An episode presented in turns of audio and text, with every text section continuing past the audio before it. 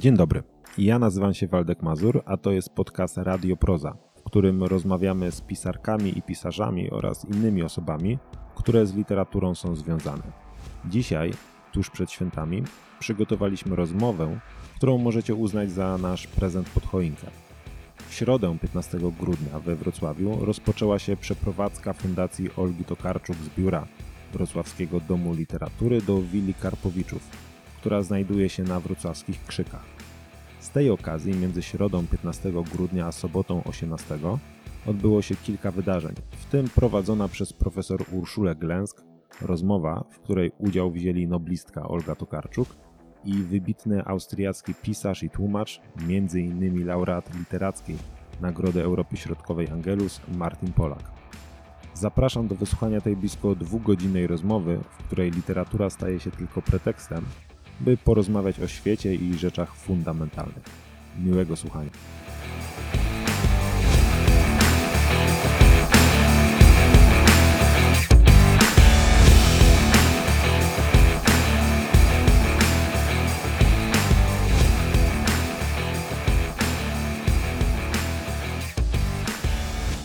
Dzień dobry, dobry wieczór. Fundacja Olgi Tokarczuk rozpoczyna dziś przeprowadzkę do nowej siedziby, do domu literackiego Olgi Tokarczuk, który jest równocześnie willą Marii i Tymoteusza Karpowiczów. Dzisiejszy dzień, 15 grudnia, to nie jest dzień przypadkowy, ponieważ dzisiaj przypada setna rocznica e, urodzin Tymoteusza Karpowicza. Zaczynamy od spotkania z Olgą Tokarczuk i Martinem Polakiem.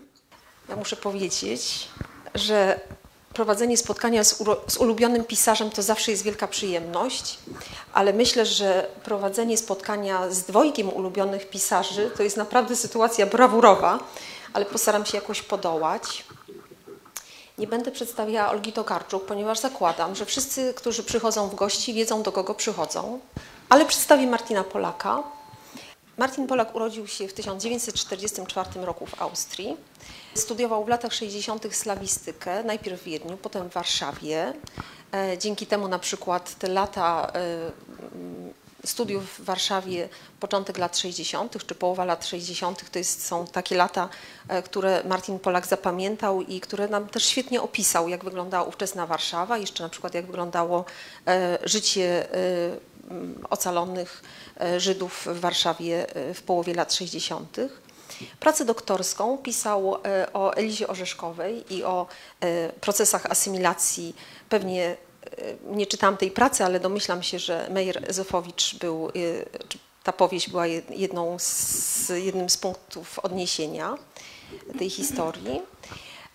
Później władze polskie odmawiały Martinowi Polakowi wizy do Polski, w związku z tym w latach 80. właściwie nie miał prawo, prawa przyjazdu, ale wtedy pracował jako korespondent w Der Spiegel i na przykład tłumaczył Kapuścińskiego, bo rzeczywiście e, cała recepcja niemieckojęzyczna Kapuścińskiego jest przede wszystkim, e, przede wszystkim zawdzięczamy ją e, Martinowi Polakowi. Oczywiście mm, wielkie dzieła Martina Polaka, E, książka Śmierć w bunkrze, opowieść o moim ojcu, wyjątkowe dzieło w ogóle w literaturze europejskiej i Nagroda Angelusa za e, rok 2007. E, ojcobójca, mm, historia właściwie kryminalna, nie do końca rozwiązana, sprawa Filipa Halsmana. Mm, jedna z moich ulubionych książek też, Cesarz Ameryki, dzisiaj trochę będziemy mówili o emigracjach, więc y, do tej książki pewnie będziemy się też odnosili. E, I mnóstwo y, niezwykłych e, tekstów eseistycznych, takie reportaże, które wyjaśniają e, pewnego ducha Europy Środkowej. Martinie, może y, zadam Ci pierwsze pytanie, skieruję je do Ciebie, ponieważ myślę, że jako autor, który ciągle zmaga się z historią Austrii. E, napisałeś mnóstwo bardzo ponurych i bardzo ciężkich słów pod adresem e, kraju, z którego się wywodzisz. Ale czy kiedykolwiek e, dostawałeś książki swoje z podpisami dość szkalowania Austrii, mojej ojczyzny? Czy kiedykolwiek zdarzyło Ci się coś takiego, że ktoś Cię w ten sposób próbował zdenerwować? Nie. Szczerze mówiąc się nie. A moje, moim zdaniem to moje wydawnictwo bardzo żałuje, że nie rzucili jakieś kamieniami na mnie, bo to oczywiście pomaga w sprzedaniu książki, ale w ogóle recepcja w Austrii była też, sam, sam byłem zaskoczony, była bardzo pozytywna. To jest możliwe dlatego, bo tamci ludzie, którzy tego nie lubią, którzy mnie właśnie jakieś kalące gniazdo i tak dalej nazywają, oni nie czytali tą literaturę. Ja pochodzę z kręgów e, z, e, nazistowskich i moja bliższa rodzina, o ile jeszcze istnieje, oni to czytali, ale oni w ogóle o tym nie rozmawiali ze mną, a inni chyba nie czytali. Bo ja tutaj, no szczerze mówiąc, nie spotkałem się z taką recepcją bardzo negatywną, żeby ludzie pluli na mnie czy, czy coś w tym rodzaju. Nie, nie. Tak samo w innych krajach, więc ja tutaj nie mogę, nie mogę powiedzieć, że, że coś tam musiałem się bać, czy bronić, czy czego, czegokolwiek. Nie, zupełnie w Austrii, na Słowenii, w Polsce, na Ukrainie, wszędzie spotkałem się bardzo przychylnie i no, oczywiście bardzo się cieszę z tego powodu. Ale rzeczywiście e, ta kontynuacja literatury e, kalającej własne gniazdo e, myślę, że jest bardzo ważna i cenna. A Olgo, czy ty kiedykolwiek sobie wyobrażałaś, że taka, ta, taki pomysł przypisania twojej literatury do literatury, która kala własne gniazdo, kiedykolwiek powstanie? A tak mówisz, jakby to był jakiś gatunek specjalny utworzony już na półkach w bibliotece. Literatura kalająca własne gniazdo. Y, y, to ciekawe, Martinie, cześć w ogóle. Nie, bo ty cześć. nie widzisz. Ja nie wiem, czy mnie widzisz. Ja, ja cię bardzo dobrze widzę, siedzę koło ciebie i widzę cię bardzo dobrze i bardzo mi miło i cieszę się, bo niedawno Ale ja słabo słyszę, musi być. Aha, to może będę mówiła lepiej, bliżej mikrofonu. Teraz lepiej? Tak. Mhm. Wiesz, sytuacja jest bardzo podobna, dlatego że pod tym względem, że ci ludzie, którzy grozili mi po księgach Jakubowych, też nie czytają.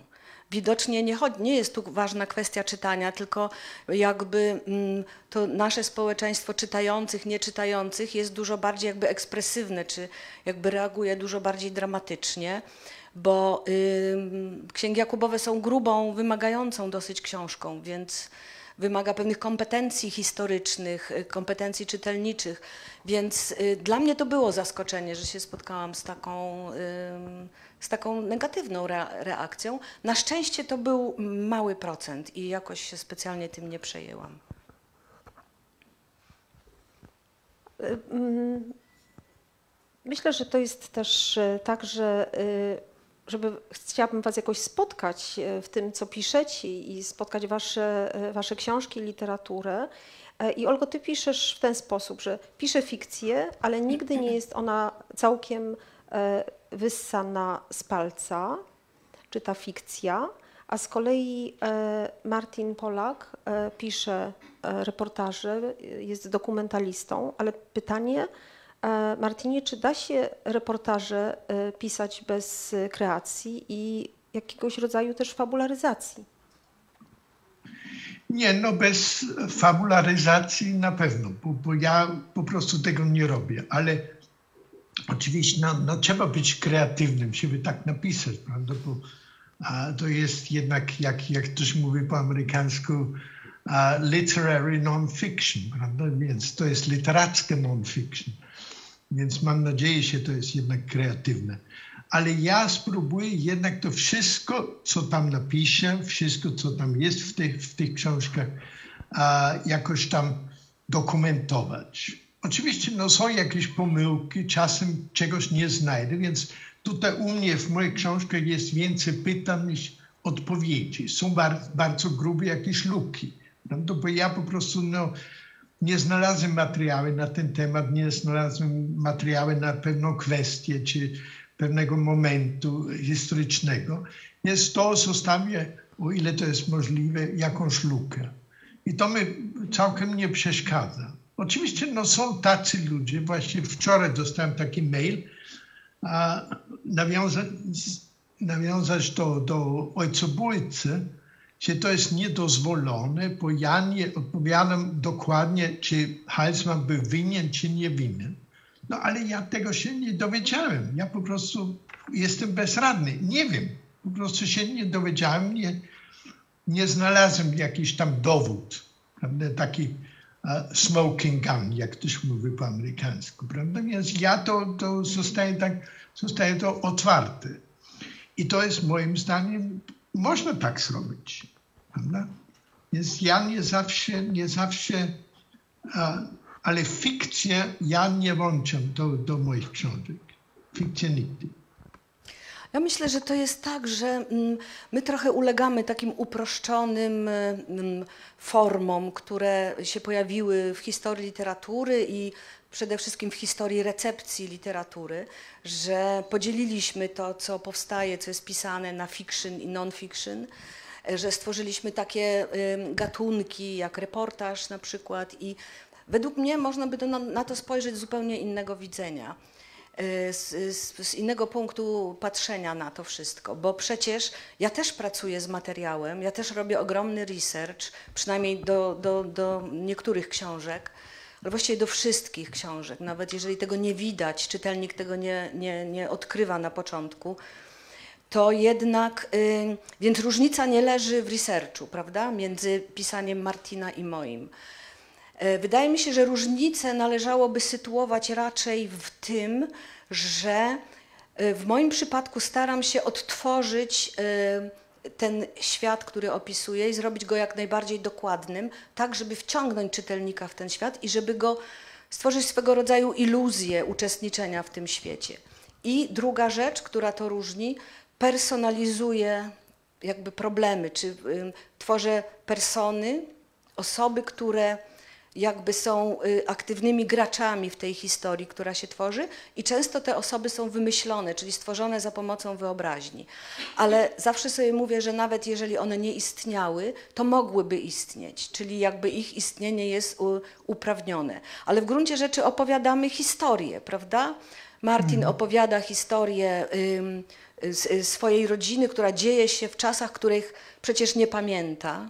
I ja opowiadam historię jakichś ludzi, jakieś procesy historyczne, których też oczywiście nie znam i próbuję jakby je inaczej przyrządzić, inaczej podać czytelnikowi. Więc prawdę mówiąc też, i mówię, może powiem teraz coś takiego, co będzie jakieś horrendalne, ale zawsze mi się reportaż wydawał taką, y, y, takim gatunkiem podejrzanym. Y, wydawało, wydawało mi się zawsze, że to jest, że ludzki mózg pracuje w taki sposób, że jakby ma tendencję do dodawania czegoś do procesów, do procesu, które się widzi tylko jako dziurawe. Tak jak mówiłeś, że brakuje ci jakichś informacji, więc zostawiasz to. Ale że nawet dobry reportażysta, Okej, okay, nie mówię o tobie, ale mówię o innych. E, zawsze mają taką tendencję, żeby coś dopowiedzieć. E, niekoniecznie budując właśnie postaci, które dialogują ze sobą, ale żeby, mm, mm, że to jest po prostu psychologicznie niemożliwe, żeby się wycofać jako, jako piszący z tego opowiadanego procesu i, i jakby zostawić tak naprawdę na pastwę niewiedzy y, to wszystko, co, co jest opowiadane. Więc Gdybym miała takie możliwości, pewnie też studenci, naukowcy, literaturoznawcy mają takie metody i takie narzędzia, żeby to sprawdzić, że zawsze w reportażu znalazłoby się takie momenty, które są dowodem tego, że jednak pracuje im wyobraźnia, że jednak dopowiadają niektóre rzeczy. To jest bardzo ciekawy temat do badania, ale też do, do, do dyskutowania o tym i no nie wiem, zachęcałabym literaturoznawców obecnych tutaj na sali, żeby spróbowali tak dla ciekawości po, po, poszukać dziur właśnie, czy poszukać tych takich naddatków y, w reportażu, bo jednak jako psycholożka wierzę, że nasza tendencja, nasza umiejętność, potrzeba y, odzwierciedlenia świata y, zakłada jakiś rodzaj kontinuum, że to musi być zwarte, że to musi mieć sens wewnętrzny, a przecież zdarzenia naszego życia nie zawsze są sensowne wewnętrznie, prawda? Nasze życie, jakby tak spojrzeć na nie, mm, to ono jest pełne dziur, pełne zapomnień, pełne niedopowiedzeń i że właściwie pamięć to nie tylko odtwarzanie tego, co się zdarzyło, ale też kreowanie jakby wydarzeń, które się wcale nie zdarzyło, a które wchodzą do, potem do pamiętania, do pamięci, prawda? Martin, z tego co zrozumiałam, Olga mówi, że reportaż jest gatunkiem niemożliwym. Co ty na to? To jest bardzo możliwe. Ja w moim zdaniu, w moim wypadku to, to wygląda, sprawa wygląda tak, że to nie tylko reportaże, ale wszystko, co ja piszę, moje doświadczenie mnie uczy, że to jest zawsze jakiś nieskończony. Ja właśnie ostatnio pisałem taki, taki króciutki esej na temat Never Ending Story. Jakieś, jakieś story, które nigdy nie ma końca. A do czego ja prowadzę? Ja wiem, jak piszę coś, jak skończę jakąś książkę, ja wiem, że za rok, za pół roku, za dwa lata, za dziesięć lat dostaję jakieś nowe wiadomości. I to jest ciągle, to się powtarza. I to prawie codziennie dostaję jakieś nowe, nowe jakieś wiadomości, zdjęcia, ktoś mi coś tam powie, ktoś, ktoś tam krytykuje, że tego nie ma, że to nieprawda, prawda, to trochę inaczej wyglądało. Więc ja zdaję sobie sprawę, że ja nigdy nie, nie, piszę, nie piszę całą prawdę, bo to jest zupełnie niemożliwe. I do tego też nie zamierzam. Więc ja już wiem, że to jest taka nies, nieskończona story i, i to zawsze będzie otwarte. Więc ja nie mam zamiar tutaj, tutaj napisać drugą książkę Śmierć w bunkrze, bo teraz naprawdę no, mam e, tyle materiału, że mógłbym. Ale to mnie nie interesuje, ale zdaję sobie sprawę, że tak to jest. Prawda? To jakiś tydzień temu się dowiedziałem, jak mój ojciec pozbył się swojego munduru SS w Salzburgu. Pierwszy raz słyszałem, że on w ogóle był w tym czasie w Salzburgu, krótko po wojnie, ale jakiś facet zadzwonił do mnie i powiedział, że on go widział. On, ten facet był, był dzieckiem, mając 9 czy ileś, ileś lat i go pamiętał. I dokładnie mi opisał, jak on prosił tam o jakieś cywilne ubranie i co oni robili z tym ubraniem, tym z mundurem SS. Ale pierwszy raz to słyszałem. To oczywiście nic nie zmienia, ale dla mnie to jest bardzo ważne, bo ja się dowiem znowu, że co, to, co ja piszę, jest jakieś, to zawsze jest półprawdy. Ja, ja, to nie ma końca. I to jest taki, taki ciąg wieczny można powiedzieć. I ja zawsze czekam i bardzo się cieszę normalnie, że dostaję jakieś nowe materiały, zbieram to, mam mnóstwo nowych materiałów, z, z którymi ja nie wiem, co mam zrobić, ale zbieram. Czyli co, opowiadamy jakieś wersje rzeczywistości, prawda? No, chyba tak. Do Martina książki wracają, jego książki się jak gdyby E, rozszerzają, a do ciebie wracają po, twoje powieści i twoje fikcje w jakichś e, już momentach, kiedy dawno czytelnicy się zajmują interpretacjami? Tak, wracają. Ja mam bardzo podobne do ciebie y, też wrażenie, że po księgach Jakubowych y, dowiedziałam się jeszcze mnóstwa rzeczy i rzeczywiście żałowałam, bo niektóre były bardzo pikantne albo takie, takie fajne do, do opisania i niestety już się nie da tego zrobić miałam y, chyba najbardziej taką, takie poczucie nieskończenia po biegunach, do tego stopnia, że przez y, jakiś krótki czas przychodziło mi na myśl, żeby kontynuować ten, ten format mm -hmm. i żeby jeszcze dopisywać i jeszcze rozwijać w różne strony.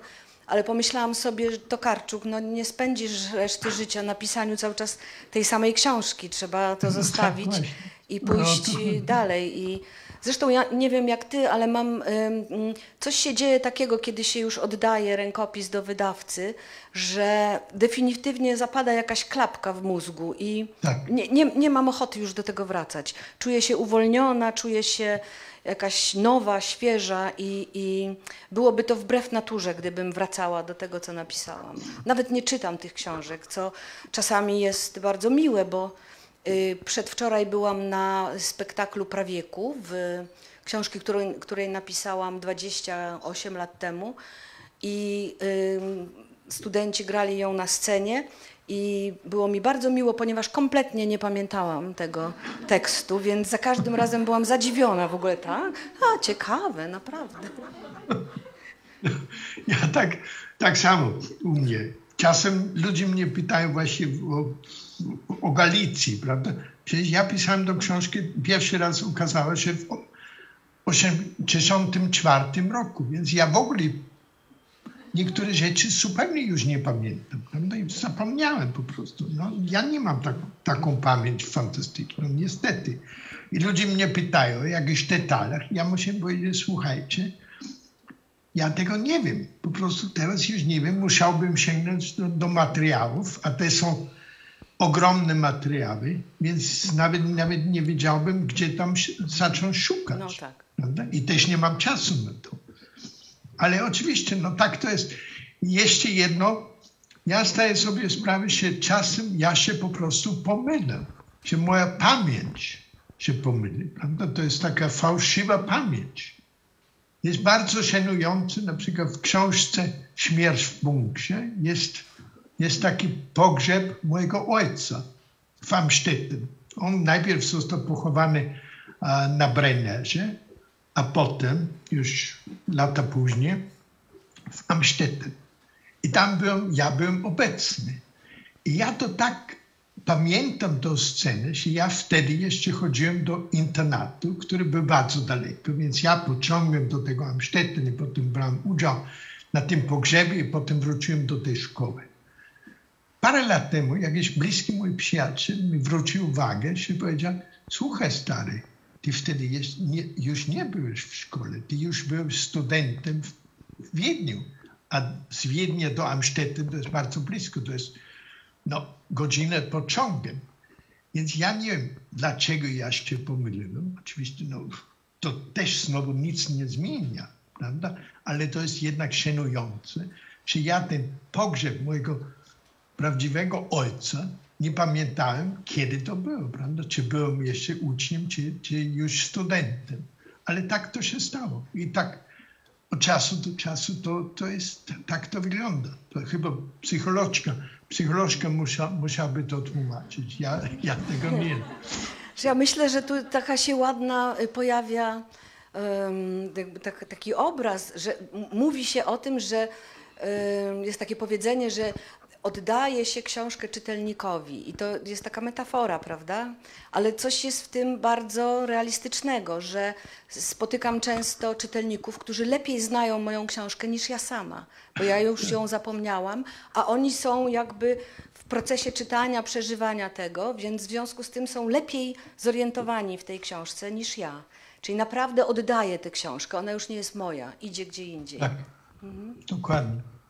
No to może zostańmy przez chwilę przy tym meandrowaniu pamięci i z, specjalnie przygotowałam taki cytat z Marii Stepanowej, która dużo pisze o pamięci, a ponieważ wiem, że to jest też e, cecha łącząca wasze pisarstwo, takie właśnie e, topografii pamięci, to chciałam zapytać, najpierw zanim przeczytam, co mówi Stepanowa, chciałam zapytać, które z y, pamięci są najbardziej zapładniające dla waszego pisarstwa, najbardziej dla was cenne z punktu widzenia waszego warsztatu. E, Stepanowa mówi tak, że jest pamięć o tym, co utracone, melancholijna, niepocieszona, e, robiąca rejestr ubytków i strat. E, I ta pamięć wie, że niczego nie da się przywrócić. Jest też pamięć o tym, co otrzymane, syta, poobiednia, zadowolona i jest pamięć o tym, co się nie wydarzyło, e, widząca fantomy zobaczonego. To ja? No, mów, no, u mnie to jest tak, się pamięć, no niestety tak to już jest, w moim wypadku często, czy prawie zawsze jest związane jakimiś smutnymi rzeczami, prawda, czy tragicznymi rzeczami. Oczywiście, co ja zrobiłem, to, to było badanie właśnie historii mojej rodziny, badanie historii mojego ojca i tam niestety no, same tragiczne rzeczy, no, bardzo, bardzo nieprzyjemne rzeczy. Ja zdaję sobie sprawę, że tak to już będzie do mojego końca, prawda? Że jak zajmuję się tą historią tej rodziny, to zawsze tak będzie. Nic wesołego, no oczywiście są jakieś wyjątki, ale prawie nic wesołego tam, tam nie wychodzi. To jest niestety funkcja mojej, mojej pamięci, że ja muszę, muszę szukać i, i, i robić jakiś research w tych ciemnych sprawach. Więc to jest bardzo nieprzyjemne, ale z drugiej strony, moim, moim zdaniem, to jest bardzo potrzebne też. Prawda? Bo ja po prostu zdaję sobie sprawę, że jako Austria, jak się członek tej rodziny, że syn takiego ojca, jestem, no mam taki obowiązek, no, a żeby to zrobić, żeby opowiadać o tym, żeby spróbować to otworzyć, dlaczego to się stało, dlaczego ten człowiek tak się zmieniał i, i tą drogę prowadził, a nie inną, tak normalnie, normalni ludzie. Więc no, ta pamięć, niestety dla mnie to jest zawsze związane z takim smut, smutkiem i, i z a, doświadczeniem, że, że to będzie jakieś no, raczej, raczej ponury, raczej jakieś ciemne, ale no cóż, co mam, co mam zrobić? Nic na to nie poradzę. Tak jak Cię słucham, to przychodzi mi do głowy taka refleksja, że e, czy to nie jest czasem tak, że e, takie momenty szczęścia i, i dobre rzeczy zdarzają się, widzimy tylko jak patrzymy z takich e, punktów środkowych tego procesu zwanego życiem. Natomiast jeżeli się zdobywa perspektywę czasową, dalszą, to właściwie nic dobrego nie można powiedzieć o życiu ludzi. Ludzie chorują, e, związki się rozpadają, wybuchają wojny, palą się, e, w końcu umierają i że spojrzenie e, na historię rodziny zawsze zawiera w sobie jakby taką wrodzoną, istniejącą gdzieś tam taką immanentną melancholię, no. że tylko my żyjąc i uczestnicząc, uczestnicząc w życiu, mamy jakiś taki przywilej i taką, taki iluzoryczny przywilej bycia szczęśliwymi, wtedy, kiedy jesteśmy w życiu. Ale kiedy już wyjdziemy i patrzymy na to z daleka, to naprawdę to nie jest nic wesołego. Ja z moją pamięcią mam tak, że e, ja mam bardzo złą pamięć. Pamiętam rzeczy, E, takie wyspowe zdarzenia, oderwane od siebie, bardzo szczegółowe, e, ale kompletnie jakby wyciągnięte z kontekstu. I zawsze zazdroszczę ludziom, którzy pamiętają właśnie jakiś taki procesualny sposób swoje życie. Bardzo się tym martwiłam, dopóki nie przeczytałam w, której, w którejś z książek Nabokowa, że i on się zmagał z takim problemem, że miał po prostu bardzo złą pamięć. W związku z tym przypominanie sobie, opowiadanie swojego życia, swoich zdarzeń zawsze wiązało się z jakąś koniecznością zapełniania tych dziur i konfabulacji. I być może pisarze właśnie fiction bierze się ze słabej pamięci, a non-fiction bierze się z lepszej pamięci. No, ja, ja muszę powiedzieć, że ja też mam, mam słabą pamięć i niedobrą pamięć. Po prostu i oczywiście no, ja sobie pomagam z tym, że, że ja zbieram dokumenty, prawda? Ja pytam ludzi, jak to było i jak, jak ale zawsze zdaję, sobie, sprawę, że mogę się pomylić. No, wracając właśnie do tego pogrzebu mojego, mojego ojca, prawda? I ja po prostu wtedy nie myślałem o tym, że trzeba to sprawdzić, bo byłem taki pewien, na 150% byłem pewien, że właśnie chodziłem jeszcze do szkoły. Prawda? W ogóle nie przyszło mi do głowy, żeby to sprawdzić bo to było oczywiste dla mnie. Prawda? Wszystkie inne rzeczy ja sprawdziłem, a tego nie. Więc to z pamięcią, no to jest, to, to jest taka sprawa. Ja sobie pomagam z, z tym, że ja lubię opowiadać. Na przykład moja żona, ona czasem cierpi na tym, że ja lubię opowiadać o mojej młodości, o czasie w szkole, prawda? Bo to mi pomaga jednak pamiętać tego, co tam było. Mhm. Czasem nie wiem, czy to naprawdę tak się odbyło, czy to jest jakaś pamięć właśnie a, fałszywa. No, czy tylko tak słyszałem, może tak może czytałem, ale jednak zdaję sobie sprawę, że, że to mi pomaga. Bo sam na moją pamięć to, to jestem skupiony po prostu. Jestem skupiony. Dzisiaj ktoś mnie pyta, czy ja, ja nie chciałbym napisać autobiografię. ja nie wiem, nie wiedziałbym jak. Przecież z, z tą pamięcią a, nie potrafię. Ja nie prowadzę jakiś dziennik taki, no od czasu do czasu tak, ale niestety brakuje mi po prostu materiału. Musiałbym szalenie dużo, dużo pracy w to włożyć i nie wiem, czy to jest warto. Na kogo to interesuje?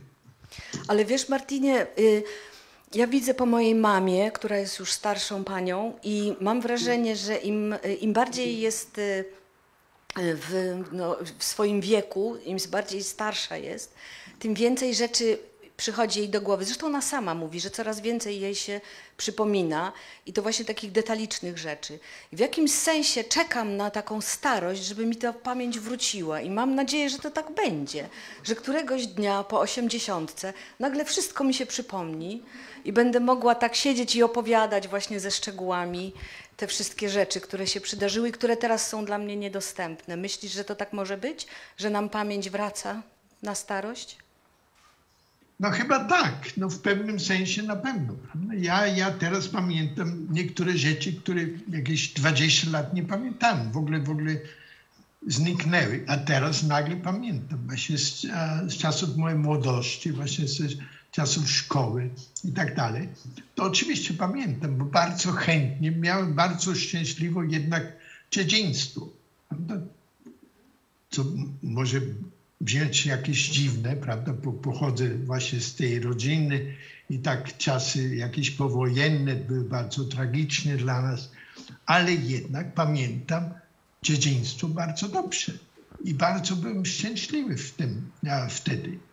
I do tej pory bardzo dobrze to pamiętam. I tak samo szkołę moją, prawda? Chodziłem do internatu przez 9 lat. Niektórzy tam nienawidzą internat, Jezus Maria, to gehenna. Ja nie.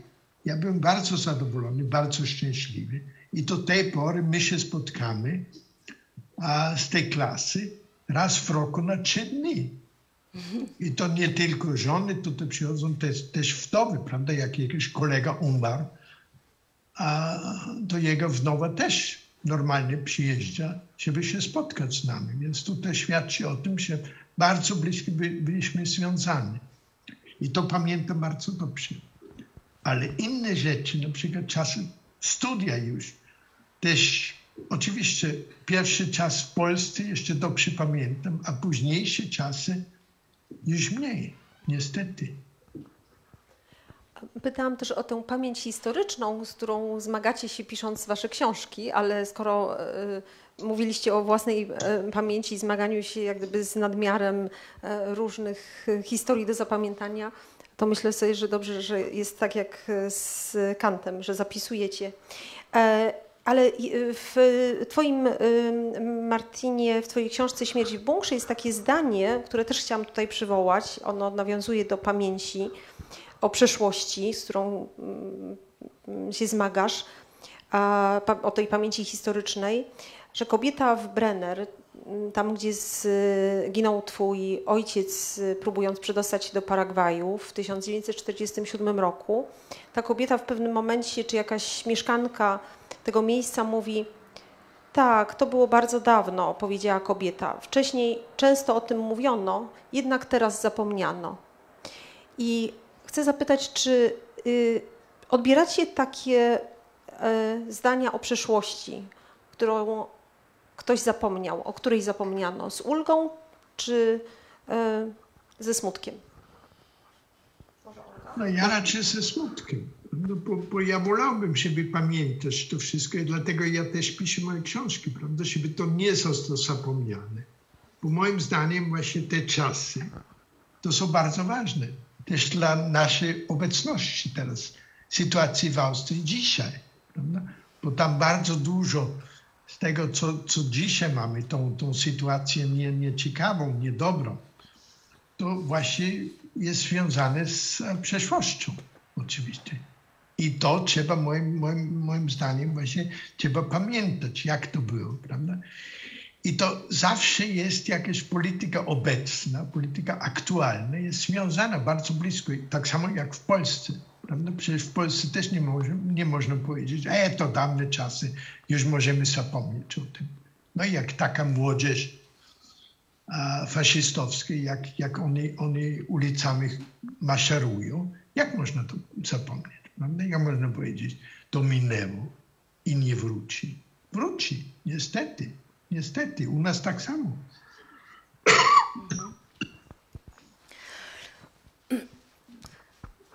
Ja myślę, że należy zachować jakąś równowagę między myśleniem o przeszłości i myśleniem o przyszłości. Że mm, tak sobie ostatnio o tym myślałam i zdałam sobie sprawę z tego, że my wszyscy dzisiaj w XXI wieku żyjemy w takim paradygmacie freudowskim. Freud nauczył nas, że mm, ym, kiedy mamy jakiś problem z nami samymi albo z naszym społeczeństwem, to musimy jakby znaleźć przyczynę, dlaczego się tak dzieje. I ta przyczyna według niego leży gdzieś w przeszłości, którą zapomnieliśmy albo wyparliśmy. To jest jakby aktywne zapominanie, czyli jakby usunęliśmy z naszej pamięci z jakichś względów, dlatego że ona była zbyt ciężka, straszna, y, nie chcieliśmy się z nią skon- konfrontować.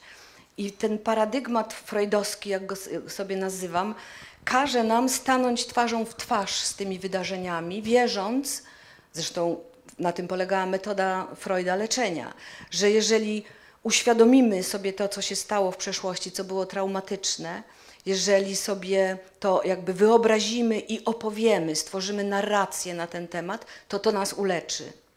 I to zdaje się działa. No, ludzie chodzą do psychologów i y, mm, jakby nauczeni, że to ma działać, rzeczywiście y, to w jakiś sposób staje się leczące. To znaczy skonfrontowani z tym wypartym, y, niechcianym, y, niejako stajemy się mądrzejsi o to i umiemy jakby przejść do przyszłości, mądrzejsi o to doświadczenie, które zapomnieliśmy, które wyparliśmy.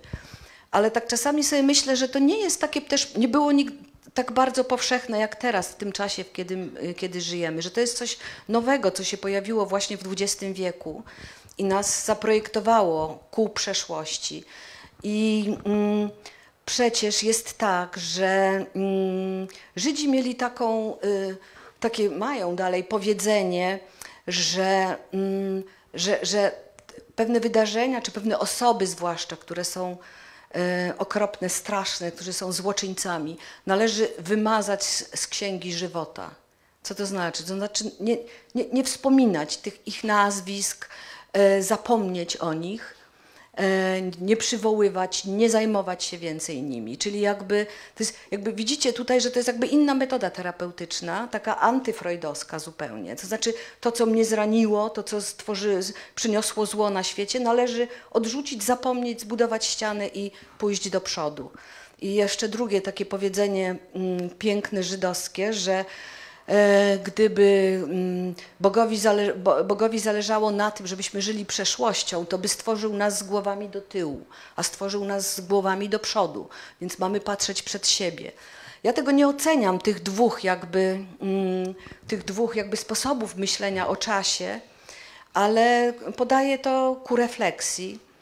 E, I jasne, masz rację mówiąc, że musimy pamiętać, żeby się to nie przydarzyło, ale też postawiłabym pytanie, czy e, pamiętanie o czymś nie daje też wzorców tego zła, które się zdarzyło. Czy na przykład ty, ci faszyści, o których mówisz, czy oni się nie uczą z tej pamiętanej przeszłości? Czy mm, jakby nie mają bo takiej gry, nie stosują zrób sobie Auschwitz, prawda? Ja wiem, że to jest kontrowersyjne, co mówię, ale mm, takie, no, warto się nad tym zastanowić, nad naszym stosunkiem do przeszłości. Mój stosunek do metody freudowskiej jest dosyć krytyczny. Znaczy, nie wierzę w to, zresztą to zostało też udowodnione, że ludzie nie tylko odtwarzają swoją traumatyczną przeszłość, ale ją konfabulują i budują narrację z rzeczy, które sobie wymyślili po prostu, żeby jakby nazwać tę traumę i ten ból i móc ją zostawić i pójść dalej. No to są takie rzeczy, których nie da się zweryfikować w żaden sposób, bo to jest prywatna pamięć. Jeżeli ona działa i jest terapeutyczna, no to świetnie, to, to, to super. Ale czasami sobie też myślę, myśmy o tym rozmawiały, Ula, krótko, że mm, dzisiejszy świat jest tak szybki, tak gwałtowny, tak okrutny, tak wiele się dzieje, taki przemocowy, że y, czasami mam wrażenie, że ludzie, że jest w nas ogromna potrzeba, żeby zająć się przyszłością. Żeby myśleć o tym, jak to ma wyglądać, ku czemu idziemy, jakie są cele, a nie skupiać się na tym, co się stało. Oczywiście to jest kwestia proporcji. Ja nie mówię, żebyśmy wymazywali całą przeszłość z księgi żywota, żebyśmy y, historię zniszczyli, ale myślę, że y, w tym, w tym mm, w tej mojej takiej mm, refleksji, że mm, nie sama niepamięć jest niebezpieczna, tylko fałszywa pamięć. Pamięć, którą da się zmanipulować, którą można wykreować przez propagandę, przez prowadzoną politykę jakąś historyczną. Y, y, jakby tak przerobić tę pamięć, żeby ona no, po prostu budując pewną nieprawdziwą wizję przeszłości, służyła też y, temu tutaj złu, tu i teraz, albo złu przyszłemu. Martin, chcesz no ja, dodać? Ja się zgadzam. Ja też nie jestem za to, żeby tylko, tylko się koncentrować na przeszłość i tylko patrzeć, co się stało, prawda, i, i, i o tym pisać. Nie, ja tak samo oczywiście postaram się patrzeć w przyszłość i, i naprzód prawda? I po, po, to, po to jest potrzebne, prawda? Ja mam syna, mam wnuka, prawda? I do nich ten świat należy, a już nie do mnie. Więc mojego syna na przykład interesuje ta historia mojego ojca, no średnio, a mojego wnuka chyba w ogóle nie już, prawda? To jest zupełnie dla, dla nich inny świat. Dobrze, oni żyją w Stanach Zjednoczonych, w Nowym Jorku, więc to jest dla, dla nich zupełnie obce, prawda? I ja sobie myślę, że to dobrze. To dobrze. Ja nigdy nie zmusiłem mojego, mojego syna, żeby on się zajmował właśnie tą historią mojej rodziny. Ja to pamiętam kiedyś, wiele lat temu. On wtedy miał jakąś dziewczynę w Wiedniu, to jeszcze było, z Hiszpanii. Jest ta książka też Śmierć w bunkrze, jest po hiszpańsku. I on sobie tam siedział u nas w domu z tą dziewczyną który nie mówił po niemiecku. I on ogląda tą książkę, właśnie tam, tam są zdjęcia, hiszpańską, w przykładzie hiszpańskim. I tam trafi na mojego, całe, całe strony, portret mojego ojca. Więc on powiedział, a, i to był twój ojciec? I ja mu powiedziałem, tak i to był twój dziadek, bo on sobie myślał, że to, na tym już jest koniec, prawda? Jego to w ogóle już nie dotyczy, prawda? Że to nie jest jego krewny, prawda? To jest jakiś zupełnie obcy człowiek, z którym nic, nic nie, nie a, że ten człowiek, człowiek go nie obchodzi. Ale myślę, że to jest jednak dobrze. Prawda? Ja nie chciałbym, żeby się na przykład mój wnuk, który teraz ma 9, 10 lat, żeby on, on tym się zajmował. Jak on chce się tym zajmować, no dobrze, niech robi. Ale ja nie będę mu opowiadał o tym. Prawda? Ja nie będę zaczął opowiadać o moim ojcu, o tym czasie nazistów i, i tak dalej. Nie, bo on tam w swoim świecie mieszka i żyje. I to jest dla niego, to jest zupełnie, to jest jak, jak historia Greków. Ja to dobrze rozumiem. Ale z drugiej strony masz pewnie coś takiego, że jak poznajesz jakąś historię z przeszłości, to że jak ona jest niepełna i właśnie pojawiają się znaki zapytania, to jest to jedna z najsilniejszych motywacji pisarskich, żeby jednak Oczywiście. dojść do tego, prawda? A co tam się stało? A jak to było? A dlaczego to zostało jakoś zapomniane, prawda? To jest, tak. Y, to jest no, nie, oczywiście, jak ja na przykład znajdę jakieś stare zdjęcie, prawda? Ja zbieram stare zdjęcia i czasem siedzę i cały tydzień ja spróbuję się dowiedzieć, kto tam jest, kto jest, jest na tym zdjęciu, co, co to za ludzie. Prawda? Ja teraz na przykład mam takie, takie zdjęcie z Radomia a, z roku 23 i tam są a, dziewczyny żydowskie. I tam oni, na drugiej stronie, oni się podpisali, więc ja mam te nazwiska. I teraz próbuję się, się dowiedzieć, co się z nimi stało. Można się domyślić, prawda? Rok 23 oni mają około tam 20 lat, więc można sobie domyśleć, że nic dobrego się nie stało. Ale to jednak mnie zachęca, żeby się dowiedzieć dokładnie, a może może opowiadać o tym. Prawda? Więc to jest zawsze dla mnie zagadką i ja to bardzo lubię takie zagadki. Martinie, a udało Ci się e, dowiedzieć, e, kim są te dzieci z rodzinnego Waszego albumu e, Piękne dzieci w białych ubrankach, które trzymają podniesioną rękę na cześć Firera, które, które, czy wiesz już, kto to był? Tak, tak, ja wiem. Ja już wiem, że to był znajomy mojego, mojego dziadka. On był notariuszem, więc dokładnie wiem, co to jest rodzina. A ja wtedy, kiedy publikowałem to, jeszcze nie, nie dowiedziałem się, jeszcze nie wiedziałem o tym, ale później się dowiedziałem, później właśnie przez przypadek się dowiedziałem. A teraz nie, nie chciałbym to publikować, bo jedna krewna z tej rodziny właśnie, ona jest bardzo e, na wysokim e, stanowisku w Austrii dzisiaj i jest bardzo w porządku, więc ja tutaj nie chciałbym robić jakiegoś szumu, prawda, że ona pochodzi z tej rodziny, bo to nie jest jej Ma, wina. maszteczki. Coś w tym rodzaju. Coś w tym rodzaju, tak. Z tym, że ja właśnie tutaj nikomu nie powiem, kto to jest, prawda? Bo to przykro mi. Oczywiście, że to jest ciekawe, prawda? Ja sobie no, domyślałem sobie, że to dzieci jakiejś inteligencji, prawda? Może dzieci właśnie, czy, czy adwokatu, od adwokata, czy notariusza. Bo cała moja rodzina oczywiście to byli adwokaci, więc a, można sobie domyśleć, że oni, oni też z tego, z tego zawodu. Więc dowiedziałem się.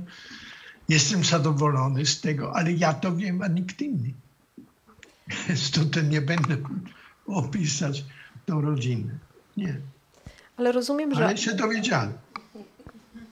Ale y, można zrozumieć, że oni też y, przeszli taką zmianę z ducha wielkoniemieckiego na, na ducha wielkohumanistycznego. przynajmniej ta kobieta, o której ja mówię, która, która teraz jeszcze, jeszcze funkcjonuje, ona jest bardzo w porządku, jest bardzo humanistyczna i, i, i w ogóle tutaj nie, to, to się starza. Ja mam nadzieję, że ja też, też jestem w takim wypadku, prawda, że ja też pochodzę z takiej rodziny i zmieniłem zdanie, prawda, zmieniłem się. Miałem szczęście po prostu. Miałem dużego szczęścia, prawda, że chodziłem do takiej szkoły, a nie innej szkoły. Więc ta szkoła mnie, można powiedzieć, ratowała. Prawda? Ja nie wiem, jak tam w wypadku tej rodziny, nie, nie badałem tej rodziny, ale wiem, że oni oczywiście no, byli nazistami, to, to widać, prawda, jak inaczej nie, nie można to rozumieć, że dzieci pokazuje tutaj Heil Hitler, prawda, w roku 32 chyba to jest, prawda, więc długo przed Anschlussem, ale ta kobieta, która teraz ma, ma tą funkcję, ona jest w porządku. Jest bardzo, bardzo, bardzo dobra i, i ja bardzo ją szanuję. I wiem, że ona się zmieniła. Jak kiedyś ją spotkam, ale nie sądzę, bo ona w zupełnie innym zawodzie pracuje, to chętnie bym py, pytała, pytał, a jak to się stało, że ona zmieniła? Czy to rodzina może już się zmieniła? W moim wypadku nie. W moim wypadku jest tak, że oni nic. Ona nie, cała rodzina została taka, jaka była, prawda? aż do końca. Nikt nie powiedział się, przykro nam, że może robiliśmy jakiś feller, może robiliśmy jakieś błędy. Nie. To myśmy byli ofiarami, a nie, nie Żydzi, a nie Polacy, a nie tacy owacy. Nie. To myśmy byli ofiarami. Więc ja w tym duchu zostałem wychowany. I to szkoła mnie uratowała.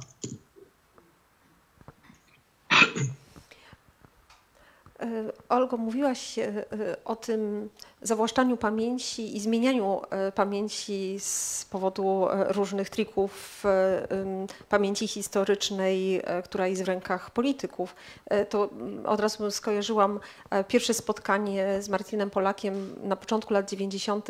na Uniwersytecie Wrocławskim, chyba w Auli Leopoldina i Martin wtedy mówił właśnie o tym, E, w mówieniu e, przez dyplomację austriacką światu, że Hitler e, był Niemcem, a Beethoven Austriakiem, ale my też wmówiliśmy sobie to, że Polacy są gościnni i jeszcze wmówiliśmy sobie, że czy chcieliśmy sobie mówić, że Polacy są tolerancyjni. I ja chciałabym wrócić do cytatu z jednej z Twoich książek, też jakoś odnoszących się do topografii pamięci, kiedy wspominasz E, lata 80.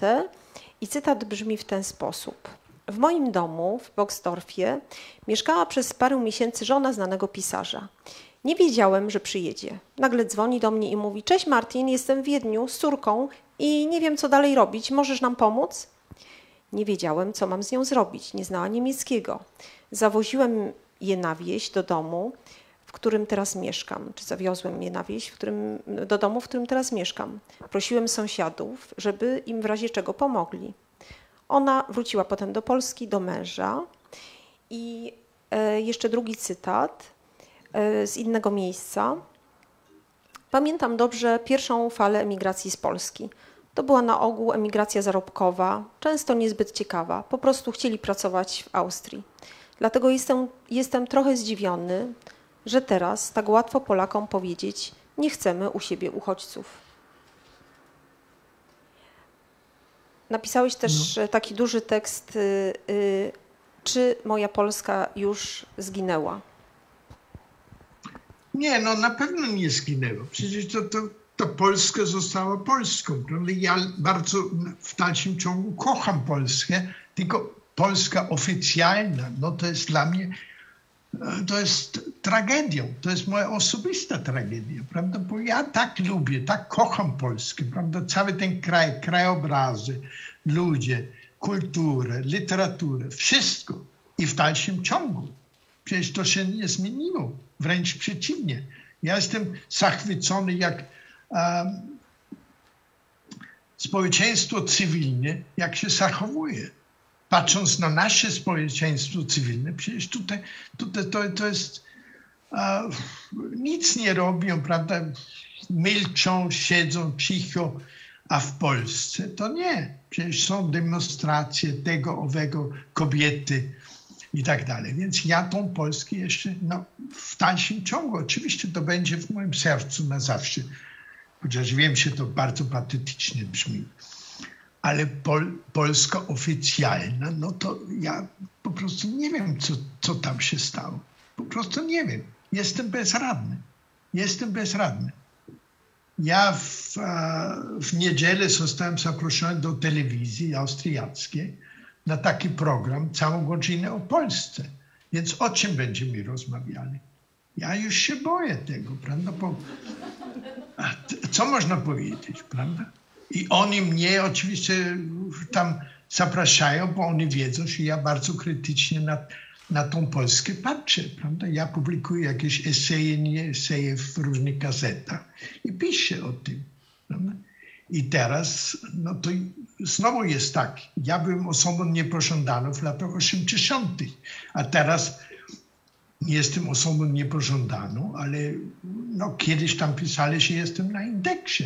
Co to jest za różnica? Prawda? Ale to jest Polska oficjalna. A to, to normalna Polska, Polska, ten, ten kraj, który ja tak kocham, to jest moja druga ojczyzna. Tak to już będzie na zawsze.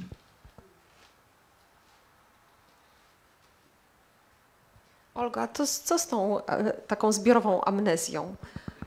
że szybko zdążyliśmy zapomnieć, że kiedyś byliśmy, niedawno byliśmy emigrantami. Przyjeżdżaliśmy do Martina Polaka i mówiliśmy, pomóż nam. No, ja myślę, że przeżywamy jakiś strasznie mroczny czas. Tak jak Austriacy mieli w czasie mm, po Anschlussie w czasie wojny. No, po prostu są jakieś takie fale. Dzisiaj żyjemy w jakimś takim y, cofnięciu cywilizacyjnym, moralnym, y, psychologicznym. Najbardziej y, dla mnie taką rzeczą, która powoduje gęsią skórkę jest to, bo widzę to pierwszy raz w życiu, że człowiek jest tak kruchy i tak nieodporny na propagandę, że właściwie umiejętnie stosowana propaganda, ale nawet nieumiejętnie, jest w stanie projektować ludziom umysły i kazać im widzieć świat w jakiś konkretny sposób. Mnie się to wydawało niemożliwe. I daje mi to bardzo dużo do myślenia. Znaczy, jak bardzo jesteśmy krusi i jak, jak kruche są nasze światopoglądy, jak są, krucha jest nasza wizja świata, jak bardzo powierzchownie y, przyjmujemy pewne wartości, zwłaszcza te religijne, które wydają się takie, wielu ludzi uważa, że wartości religijne są takie sprawa tak zwanego naturalnego, że to jest coś tak mocne, tak głęboko sięga gdzieś do, do rdzenia naszej istoty. Okazuje się na prostym przykładzie właśnie uchodźców, na przykład, jak, jak bardzo to jest powierzchowne, jak bardzo to jest y, przesiąknięte hipokryzją, jak można jednocześnie y, stawiać to przysłowiowe krzesło przy stole wigilijnym dla, dla uchodźcy właściwie, prawda? Dla, dla przybysza znikąd i jednocześnie y, mówić wprost, że dobrze im tak, sami się tu pchali. To są nie moje dzieci, ryzykowali, więc teraz niech mają. A słyszałam takie wypowiedzi od tak zwanych porządnych Polaków, nie wiem, od ludzi, którzy żyją gdzieś, chodzą po tych samych ulicach. Y, no nie wiem, to jest jakaś dla mnie wielka tajemnica. Wielka tajemnica, która polega na tym, że y, y, system, który umiejętnie posługuje się y, polityką historyczną, czy polityką jakąś kulturalną i propagandą i mediami, jest w stanie doprowadzić do katastrofy cywilizacyjnej. I tak bym dzisiaj definiowała te czasy, w których my żyjemy. To jest katastrofa. Tak dużo rzeczy się sypnęło, y, stosunki międzyludzkie, sposób myślenia o świecie, stosunek do, do spraw wyższych, no, moralność przede wszystkim. Jakiś taki pojawił się rodzaj ucieczki wewnętrznej, którego dawno nie było. Taki brak odpowiedzialności, wypieranie pewnych faktów, zawiść, złośliwość, e, przyzwolenie na korupcję, przyzwolenie na, na zło, takie, które się wprost dzieje. Mogłabym to wymieniać i jednocześnie pojawia się coś, co jest bardzo niebezpieczne i co pewnie... Mm, co jest chyba najbardziej niebezpieczne, właśnie takie poczucie bezsilności, że nic nie można z tym zrobić, że jest się przeładowanym tymi wszystkimi informacjami i że te rzeczy, które mogłabym zrobić, są zbyt małe na to całe morze, mm, które nas zalewa. Y, ja w sobie tej bezradności, tego, tej pokusy bezradności nienawidzę. Wydaje mi się, że to jest taki, jak dzisiaj jest jakiś diabeł, to on właśnie przejawia się pod taką jako, e, jako to uczucie, jakie takie poczucie, że nie mam wpływu na to, że nie mam bezradności. To jest jakiś taki rodzaj nowej acedii, z którą, którą no po prostu jakoś psychologicznie trzeba się mierzyć, będąc aktywnym. Ale y, ta, ta moja diagnoza tego, co się w Polsce stało, jest y, no, po prostu diagnozą y, mroków, nowych mroków, które zalały ten piękny, nizinny kraj, o którym mówi Martin. No, ja nie mam wątpliwości, że jeżeli jest piekło, to ono właśnie jest teraz na pograniczu polsko-białoruskim. Ty byłaś tam, widziałaś to z bliska, opisałaś to. Mhm. Um, no właśnie, no i y, kiedy na przykład y, y, widzę zdjęcia y, rysunków, które zrobiły przedszkolaki w hołdzie y, żołnierzom i w ogóle różnym e, funkcjonariuszom mundurowym, mm, i takie właśnie laurki, które te przedszkolaki wysyłają, to myślę, e, że, że to jest po prostu niemożliwe, że przedszkolaki wysyłają podziękowania za to, że ktoś ich broni przed innymi przedszkolakami, wyrzucając te dzieci i puszbekując je za ten żyletkowy płot. E, ale nie wiem, jak sobie z tym radzić. Może wy mi odpowiecie. Ale to jest to samo, co, o czym mówiliście z Martinem, o tych dzieciach małych hajlujących, prawda? To jest zupełnie nie, niewinny umysł, który tak łatwo da się przekabacić takimi prostymi sposobami, używając właśnie mediów, jakby moralnie skorumpowanych y, nauczycieli, którzy coś takiego robią, czy katechetów, czy księdza na, na ambonie, czyli ci, tych ludzi, którzy do nas mówią, prawda, którzy nam mówią, jaki jest świat. I ta łatwość zmiany perspektywy człowieka jest po prostu przerażająca. Ja nie wiedziałam, że to tak jest. Martin? No i jeszcze, jeszcze trzeba dodać, to w ostatnim czasie oczywiście ta pandemia. Przecież ta pandemia też a, tak zmieniła ludzi. Ja nie wiem, jak to jest w Polsce, ale u nas prawie codziennie są demonstracje, a to ludzi, no trzeba powiedzieć, obłąkanych. Prawda? Oni nie są normalni. Przecież oni wierzą w Bóg. Prawda? A to nie jakieś pojedyncze, jakieś tam setki. Nie w Wiedniu ostatnio 44 tysięcy demonstrowało, prawda? I, I codziennie prawie tysiące ludzi chodzą na ulicy, atakują na przykład lekarzy, atakują pielęgniarki i tak dalej. Więc i już nie wiemy, co, co z tego będzie, prawda? Że to jest taka agresja, że to jest taka agresywność w tych ludzi, że oni po prostu wierzą no, fantastyczne rzeczy, prawda? Fake news i, i, i, i jakieś tam ezoteryczne rzeczy i, i w ogóle jesteśmy bezradni. Z nimi już nie ma dyskusji. I to jest, ja też mam takich znajomych, normalnych ludzi. Jak ja ich pytam, co ty o tym myślisz? I on zaczyna, och, przecież to, to jest jaka wielka tragedia, prawda, świństwo i tak dalej, i, i rząd, i, i Zuckerberg, i Soros i tak dalej, no to już wiem, koniec dyskusji. Z tymi już nie można dyskutować. I to tak szybko, tak szybko ta atmosfera się zmieniła, tak szybko taka bardzo agresywna atmosfera się z tego robiła. Więc ja nie wiem skąd się to bierze. Nie, nie, nie mam pojęcia, po prostu nie mam, nie mam odpowiedzi na to, prawda? Tylko to jest bardzo niebezpieczne, bardzo niebezpieczne. W Austrii to już ludzie się boją, prawda? Lekarze już się boją się pojawiać w telewizji, prawda? Bo on potem jakieś groźby, jakieś się oni go mordują, zabiją, zabijają i, i tak dalej. Więc to jest nienormalne, ale to jest teraz powszechne, niestety ja nie wiem, chyba w Polsce też nie jest takie, takie różne.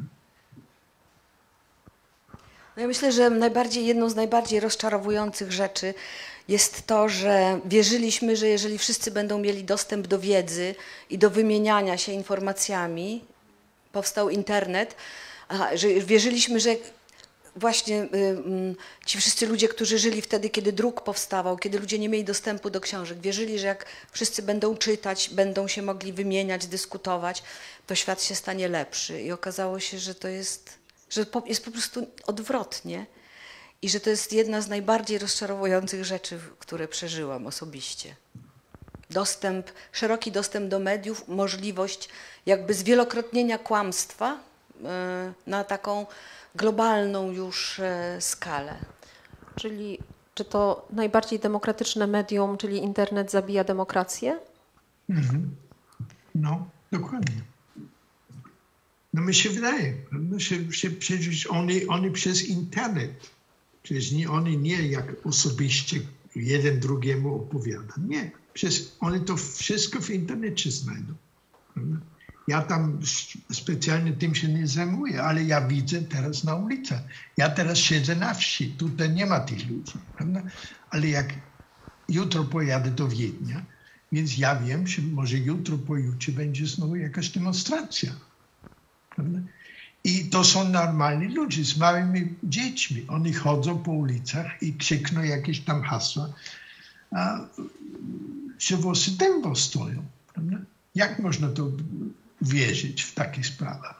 Ale normalni ludzie to wierzą. Ja też mam takich znajomych, prawda? Więc ja nie mogę powiedzieć, że to jest, są, są prawicowi i tak dalej. Oczywiście też są prawicowi, też są neofaszyści. Tak, na pewno neonaziści, na pewno. Ale też jest bardzo dużo normalnych ludzi, którzy po prostu w to wierzą I teraz oni sobie myślą, że oni bronią wolności i tak dalej, i tak dalej. I jesteśmy bezradni. Z nimi już nie ma dyskusji. Ja to pamiętam, jak kiedyś spróbowałem z moją babcią dyskutować na temat antysemityzmu. To było beznadziejne, beznadziejne. Dobra, to stara kobieta, w ogóle już nie, nie, nic nie słyszałem, jak ja zacząłem mówić. Beznadziejne to było, prawda? Z prawdziwym nazistą nie ma dyskusji. I teraz znowu mamy to. A to są ludzie, no, normalni. I to jest przerażające dla mnie. To jest przerażające. A czy pamiętasz taki moment, kiedy y, y, mieliśmy pewną wolność od takiego, takich ukończeń ideologicznych? Czy lata 80.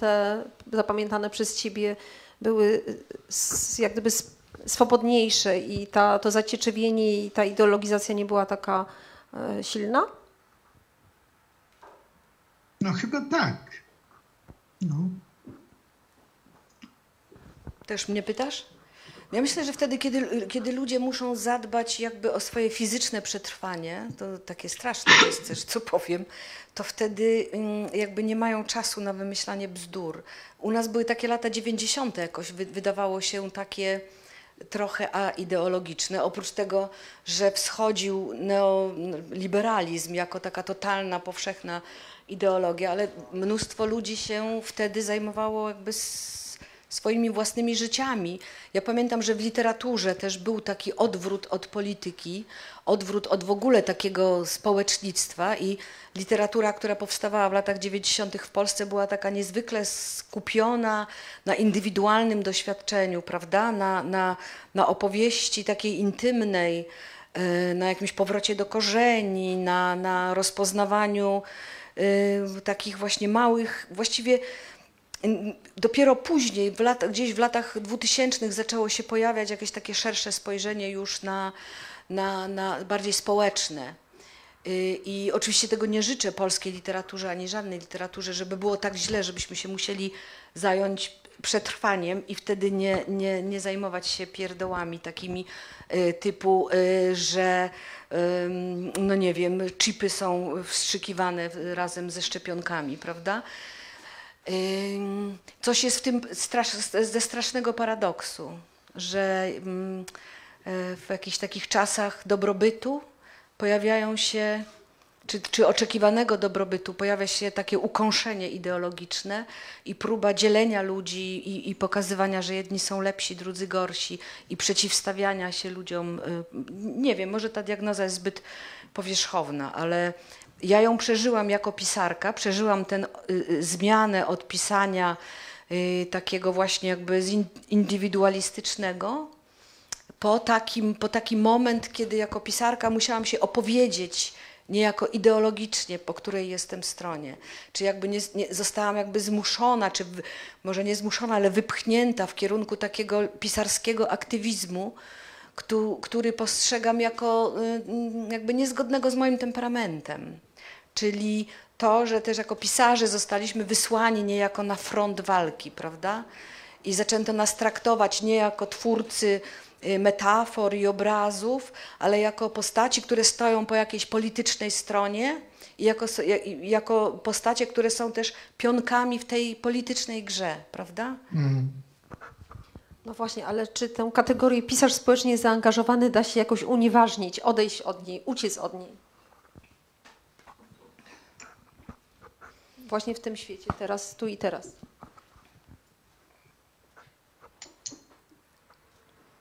Martin chyba nie słyszy. Ja słabo teraz słyszę. Aha. Coś, coś tam, tam. Bo odnoszę się do tego, y, tego określenia pisarz społecznie zaangażowany. Też tego określenia nie lubię, ale w gruncie rzeczy e, jak unieważnić tę kategorię, jak od niej odnieść, jak od niej uciec w czasach, w których żyjemy tu i teraz.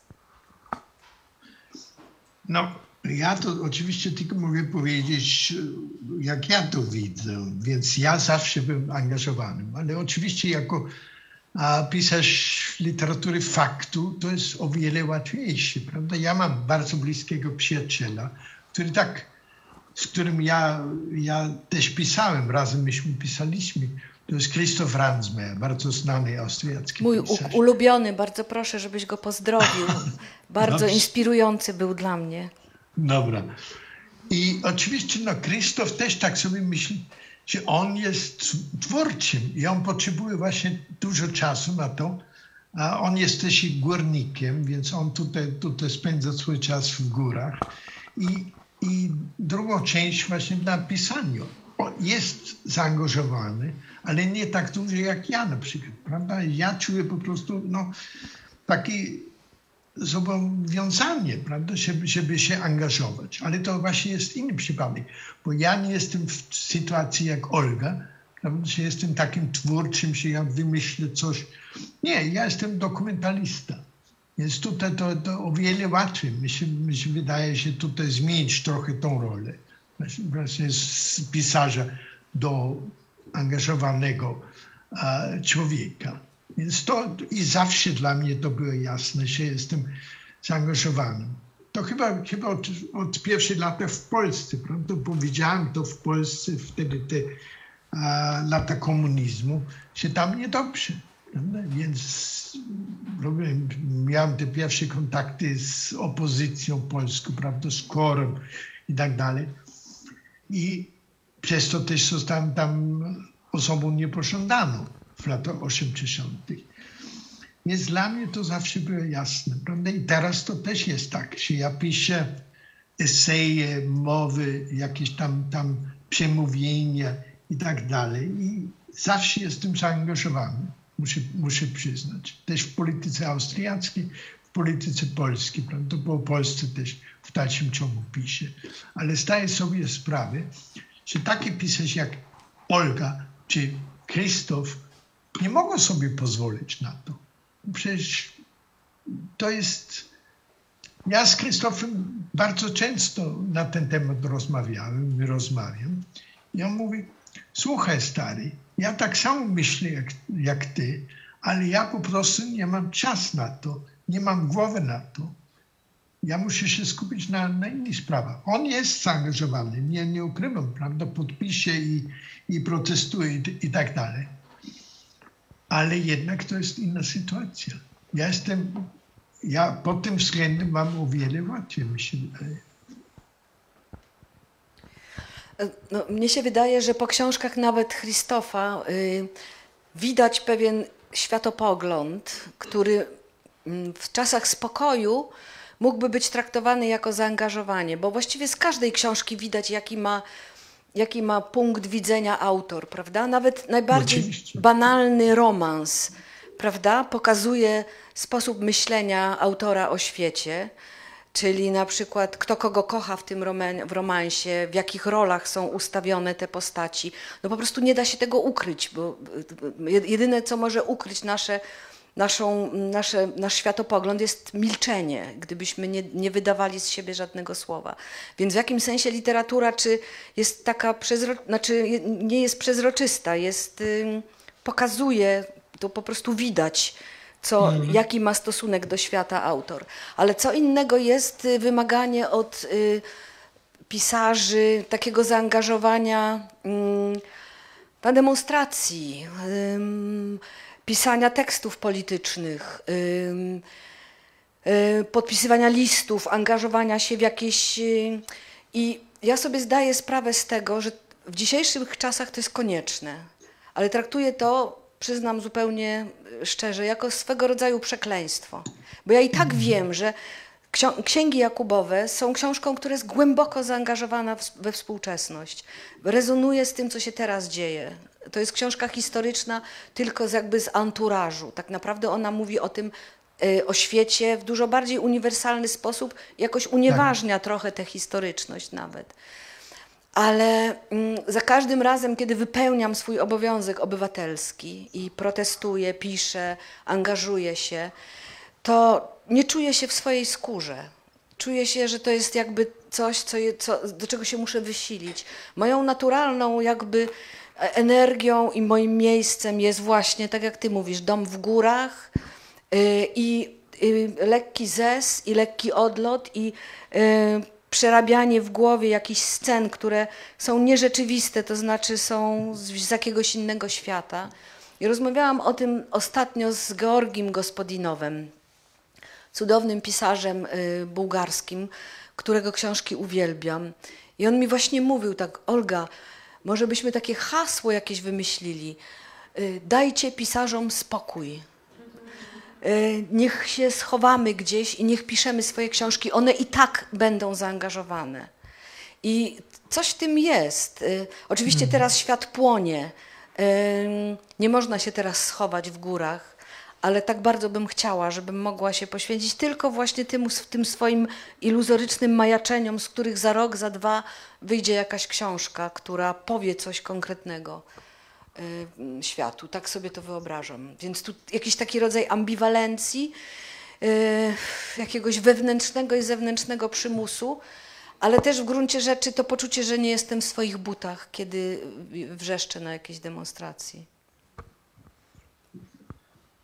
No, zupełnie się zgadzam. I oczywiście zostaje jeszcze pytanie, czy te stare formy protestów, którymi my się jeszcze obsługujemy, prawda, jakieś, piszemy jakieś listy, demonstracje, nie, nie demonstracje, jakieś podpisujemy jakieś petycje i tak dalej.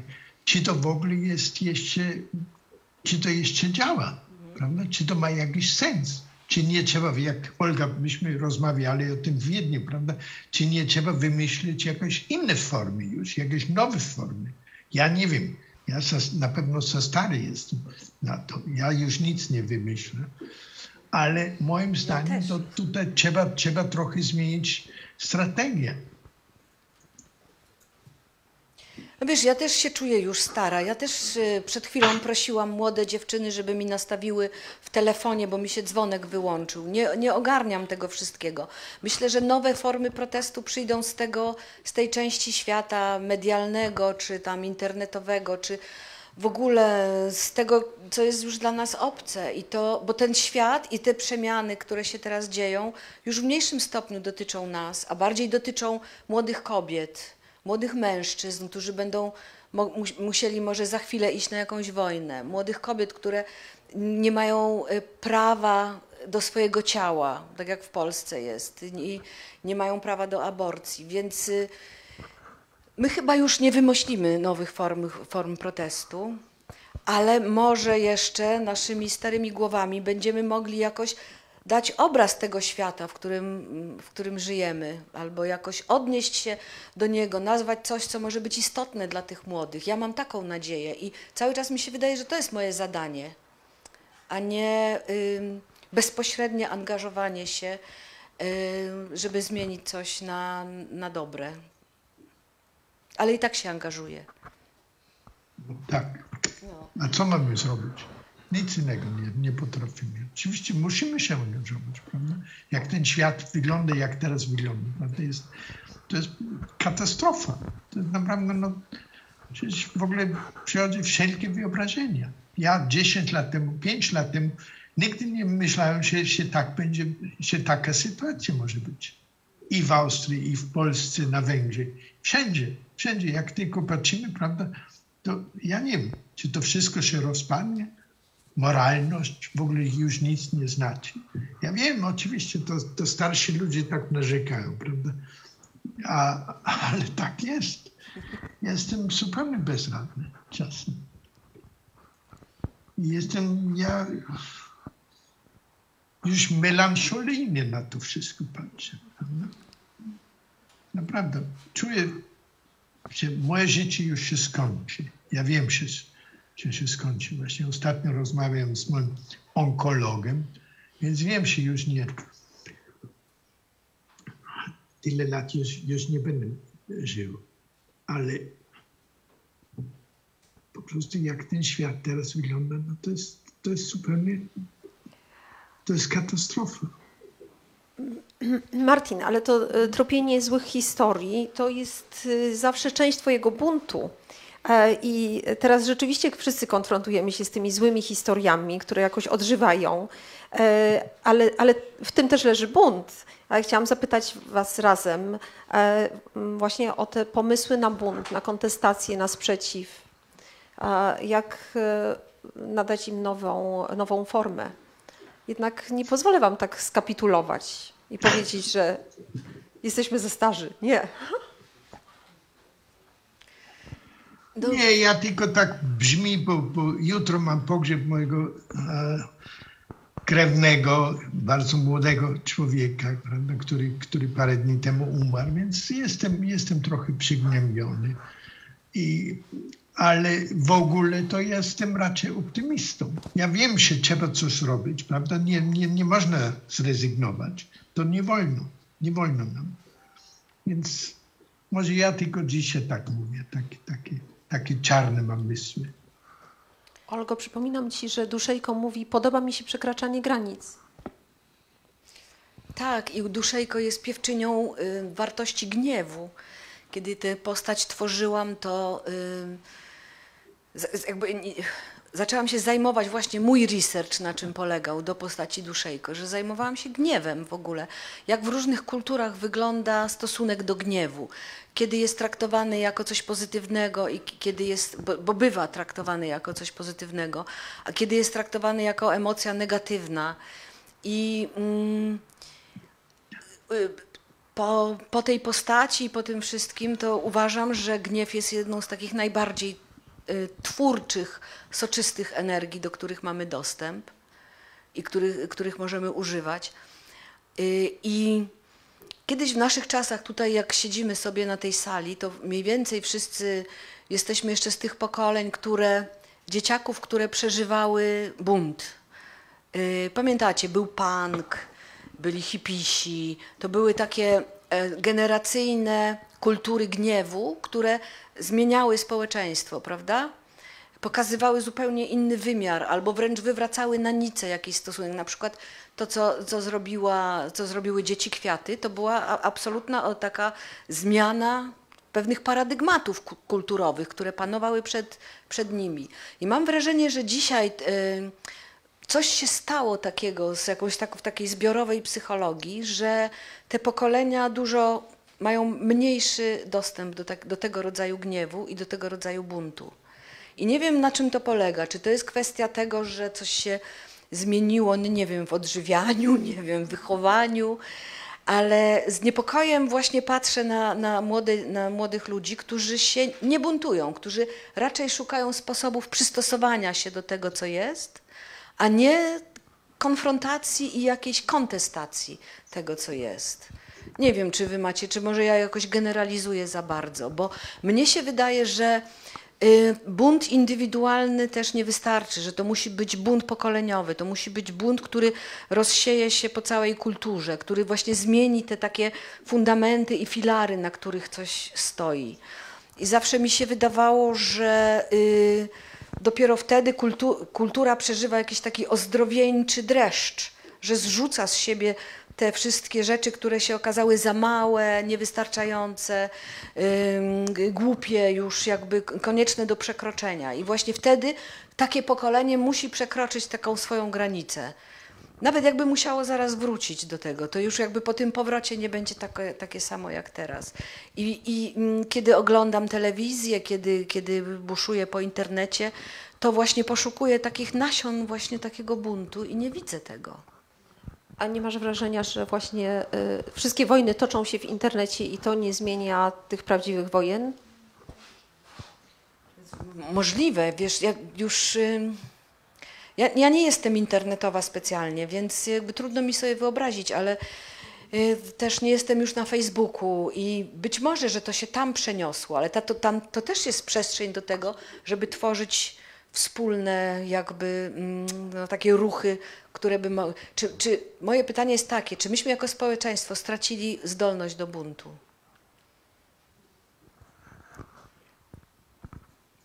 No ja tu to, to nic nie mam do powiedzenia, bo, bo, ja nawet telewizji nie mam, więc i w ogóle Facebook i to wszystko jest mi zupełnie obcy. Ja jestem staroświeckim człowiekiem, jestem bardzo szczęśliwy, jak jestem na wsi tutaj bardzo dobrze się czuję. Ja nawet w Wiedniu, chociaż w Wiedniu no jest w porządku, niedobrze się czuję już, prawda?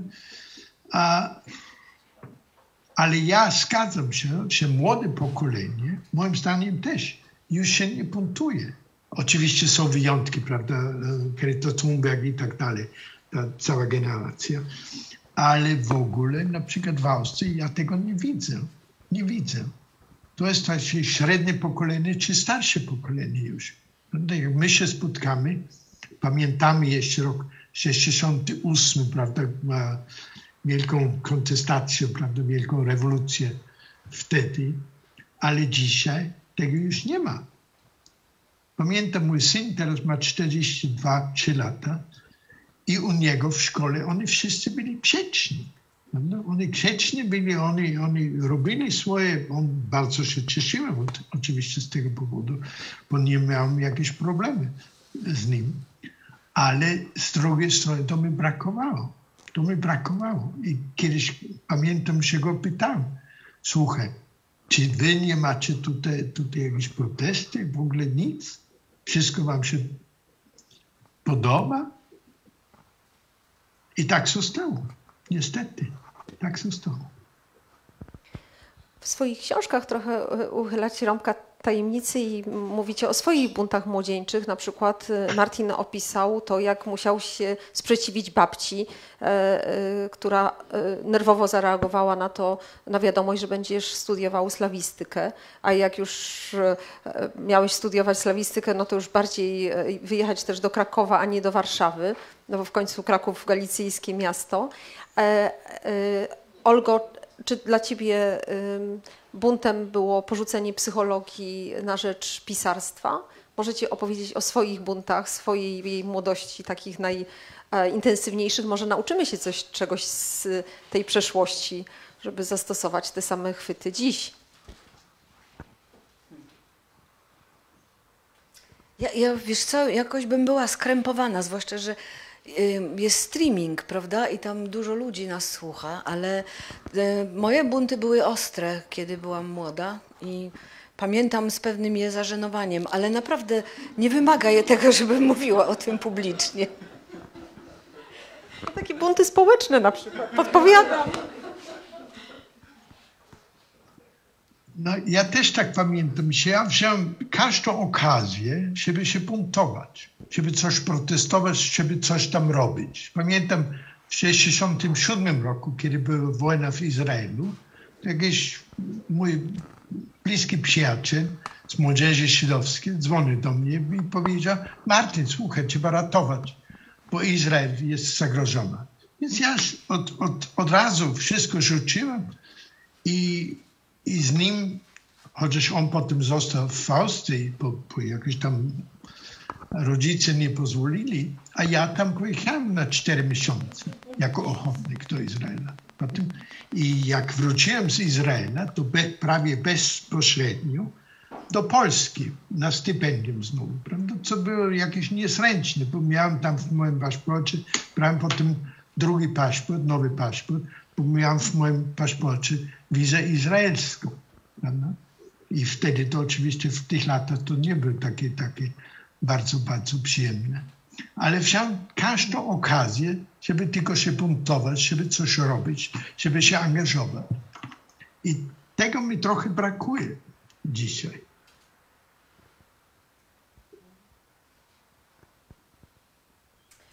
Patrzysz na mnie tak wymownie.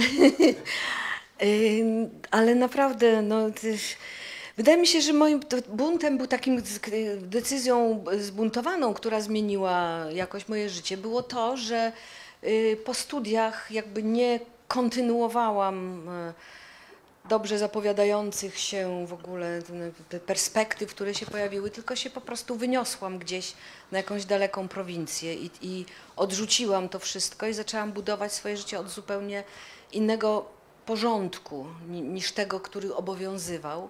I mm, przez jakiś czas miałam takie poczucie przegranej, że to była taka decyzja y, w moim wieku wtedy bardzo ważna i, i życiowa, i że ona już jakby nigdy nie pozwoli mi wrócić w ten tor, y, jakby taki, który obierali moi rówieśnicy. Ale dzisiaj z perspektywy czasu okazuje się, że to była bardzo dobra decyzja. Czyli bunt, który był nie, nie, bunt się bierze chyba z takiego momentu, zawsze mi się kojarzy jak dzieci się, takie niemowlęta zawija w takie różne pieluszki, tak się je krępuje i takie beciki są, prawda? I to dziecko leży takie skrępowane, więc jak mówisz bunt, to, to, to jest oczekiwanie właśnie, że to dziecko nagle z tego becika wyskoczy jakoś i rozwali to całe skrępowanie i że może potrzebne jest poczucie do buntu, poczucie takie, że pewne rzeczy są już nie do zniesienia, że już nie wytrzymam tego dłużej. Jest taka energia gniewu i właśnie buntu. I że teraz dzieje się coś takiego, że mamy jakoś poszerzone te granice tolerancji na te wszystkie jakby mm, no, zniewolenia, które nas dotykają. To się też nazywa chyba metodą salami, nie?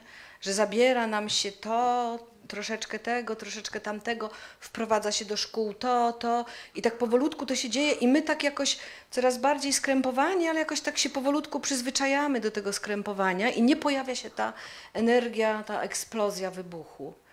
Ale naprawdę nie wiem, dlaczego się tak dzieje. Nie, nie umiem tego wytłumaczyć.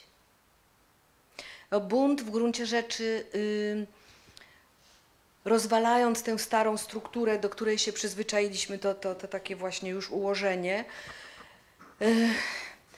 niszczy jakiś rodzaj komfortu na zawsze i trzeba ten komfort zbudować na nowo, w nowej sytuacji i w nowych okolicznościach.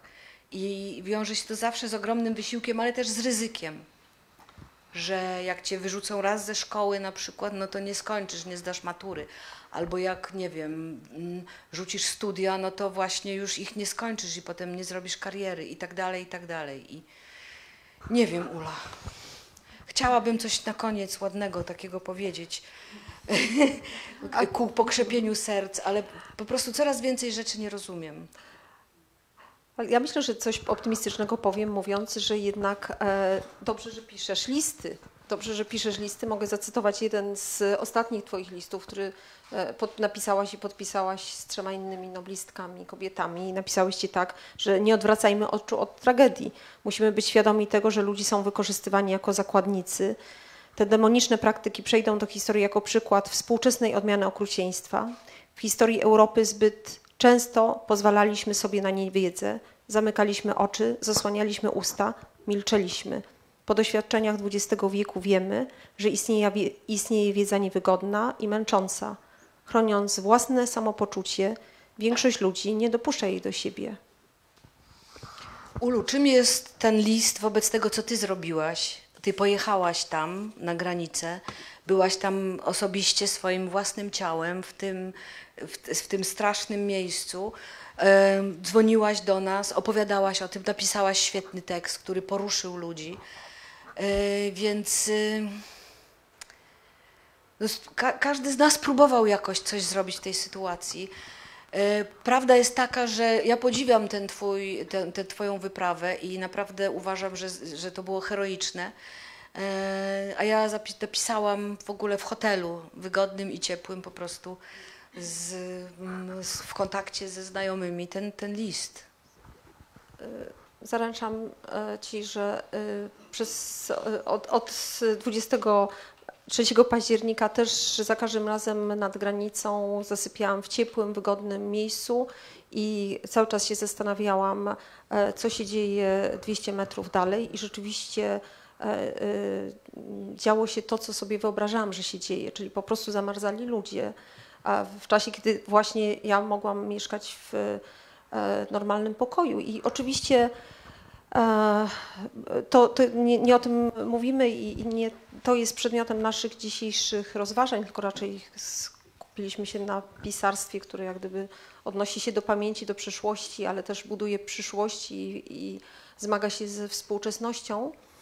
Mm, ale rzeczywiście e, mam wrażenie, że to piekło, które teraz się dzieje w, takim zamknie, w takiej zamkniętej enklawie, ono przypomina naprawdę najgorsze rzeczy, które e, opisywał w swoich książkach Martin Polak. No, tam sama widziałam matki, które zasłaniają e, usta 11-miesięcznym dzieciom, po to, żeby te dzieci nie płakały i po to, żeby e, ktoś, kto przejeżdża rowerem ulicą, nie słyszał tego kwilenia. To wychwytywanie ludzi, wyłapywanie, puszbekowanie ich, skazywanie na cierpienia, głód i naprawdę e, zupełnie niewiarygodną sytuację, to się faktycznie dzieje tam i e, nie można, w ogóle nie da się na to nawet zamknąć oczu, a równocześnie wszyscy ludzie, którzy tam e, są, mieszkają, którzy to widzą, e, nie mogą sobie wyobrazić, jak to jest możliwe, że ci ludzie ciągle w tych lasach trwają i, i jakoś e, muszą sobie e, poradzić, chociaż oczywiście nie wszyscy są w stanie to przeżyć, to co wiemy. Em, hmm.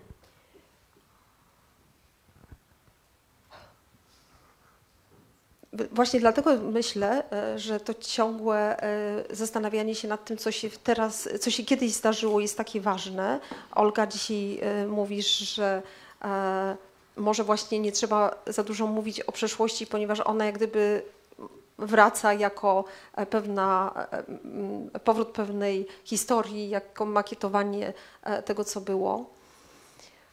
Nie doszliśmy do jakiejś jednoznacznej konkluzji, ale może... A mieliśmy? dojść.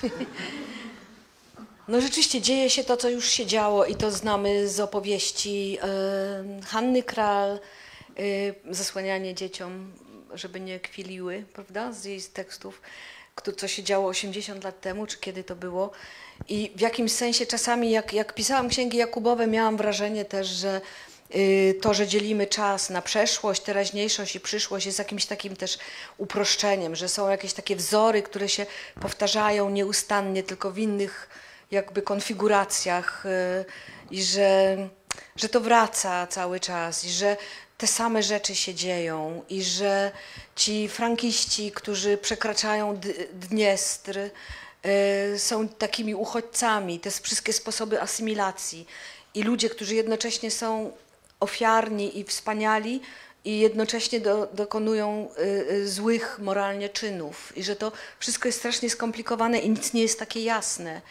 I że wydaje mi się, że też y, w, w, swoim pisaniu zawsze powinnam pamiętać, że nigdy nie można czy że literatura jest jedyną taką, nie jedyną, może jest więcej dziedzin, ale że strasznie należy pamiętać, żeby nie upraszczać, nie generalizować i nie stosować tego biało, biało-czarnego naświetlenia, że, że właśnie w tych dziedzinach sztuki zawsze jest miejsce na pokazanie ambiwalencji, po, po, pokazanie sprzeczności, paradoksów yy, i pokazanie też tego, że mm, w literaturze czas jest trochę unieważniony że jak się czyta, że teraz czytam na przykład Marsz Radeckiego Józefa Rota, y, to że te rzeczy, że człowiek w jakimś sensie jest cały czas taki sam i że robiąc literaturę, jakby opisujemy, powinniśmy się skupić na tych właśnie uniwersaliach. Właśnie dlatego mnie tak boli i tak mi nie pasuje to jakby wchodzenie w, w buty tu i teraz, bo tu i teraz trzeba y, y, myśleć czasami strasznie biało-czarno i jakby dzielić na dobre i złe. O Jezu, strasznie skomplikowanie to powiedziałam wszystko, ale wiecie, jakby chronię, y, chronię tej y, roli literatury, która być może jest y, w tym jakaś bezczelna, ale y, domaga się takiego stanowiska, jakby bardziej uniwersalnego spojrzenia na świat i pokazania skomplikowania świata, że nic nie jest takie proste, jakby się nam wydawało na początku. Ponieważ jesteśmy w domu Karpowiczów, e, to zaproponowałabym, żeby e, zakończyć nasze spotkanie e, fragmentem wiersza Tymoteusza Karpowicza Rozkład jazdy. Dobrze? Rozłożono jazdę na konie i ludzi, potem na konie i siodła, potem na ludzi i hełmy, potem na pęciny, chrapy i piszczele. Rozłożono wszystko bardzo szczegółowo. To był dobrze przemyślany rozkład. Bardzo długo rozkładano ręce. Martinie, bardzo dziękujemy za Twoją ja obecność. Dziękuję. E, to jest, gościnny, to jest na pewno gościnny dom, y, dom pisarski Olgi Tokarczuk i mamy nadzieję, że tutaj wkrótce się pojawisz. Nie tylko... No, ja, ja też mam nadzieję. No, tak. Zobaczymy. Już miałeś się pojawić, gdyby nie pandemia, to może byś przyjechał, prawda? No oczywiście, ja no, bardzo Tak się umawialiśmy. To jest... Ja, ja uwielbiam Wrocław i w ogóle te całe okolice. Zobaczyłbyś, jak tutaj ładnie, jak jest wszystko pięknie wyremontowane. To jest dom siedziby fundacji Olgi Tokarczuk. No Ja tutaj proszę. nie rządzę. Tu jest No fundacja. proszę, no to, to już tam, tam pojadę i będę tam siedział. Bardzo Tak jest, dziękuję mamy za pokój dla. Ciebie. Tak. To zapraszamy bardzo, jak się tylko ciepło zrobi i przestaną obowiązywać te straszne reżimy covidowe. Dobra, dzięki. Dziękuję, bardzo. Dziękuję wam. Dzięki. Olgo, nas też zapraszasz? No pewnie. Zawsze.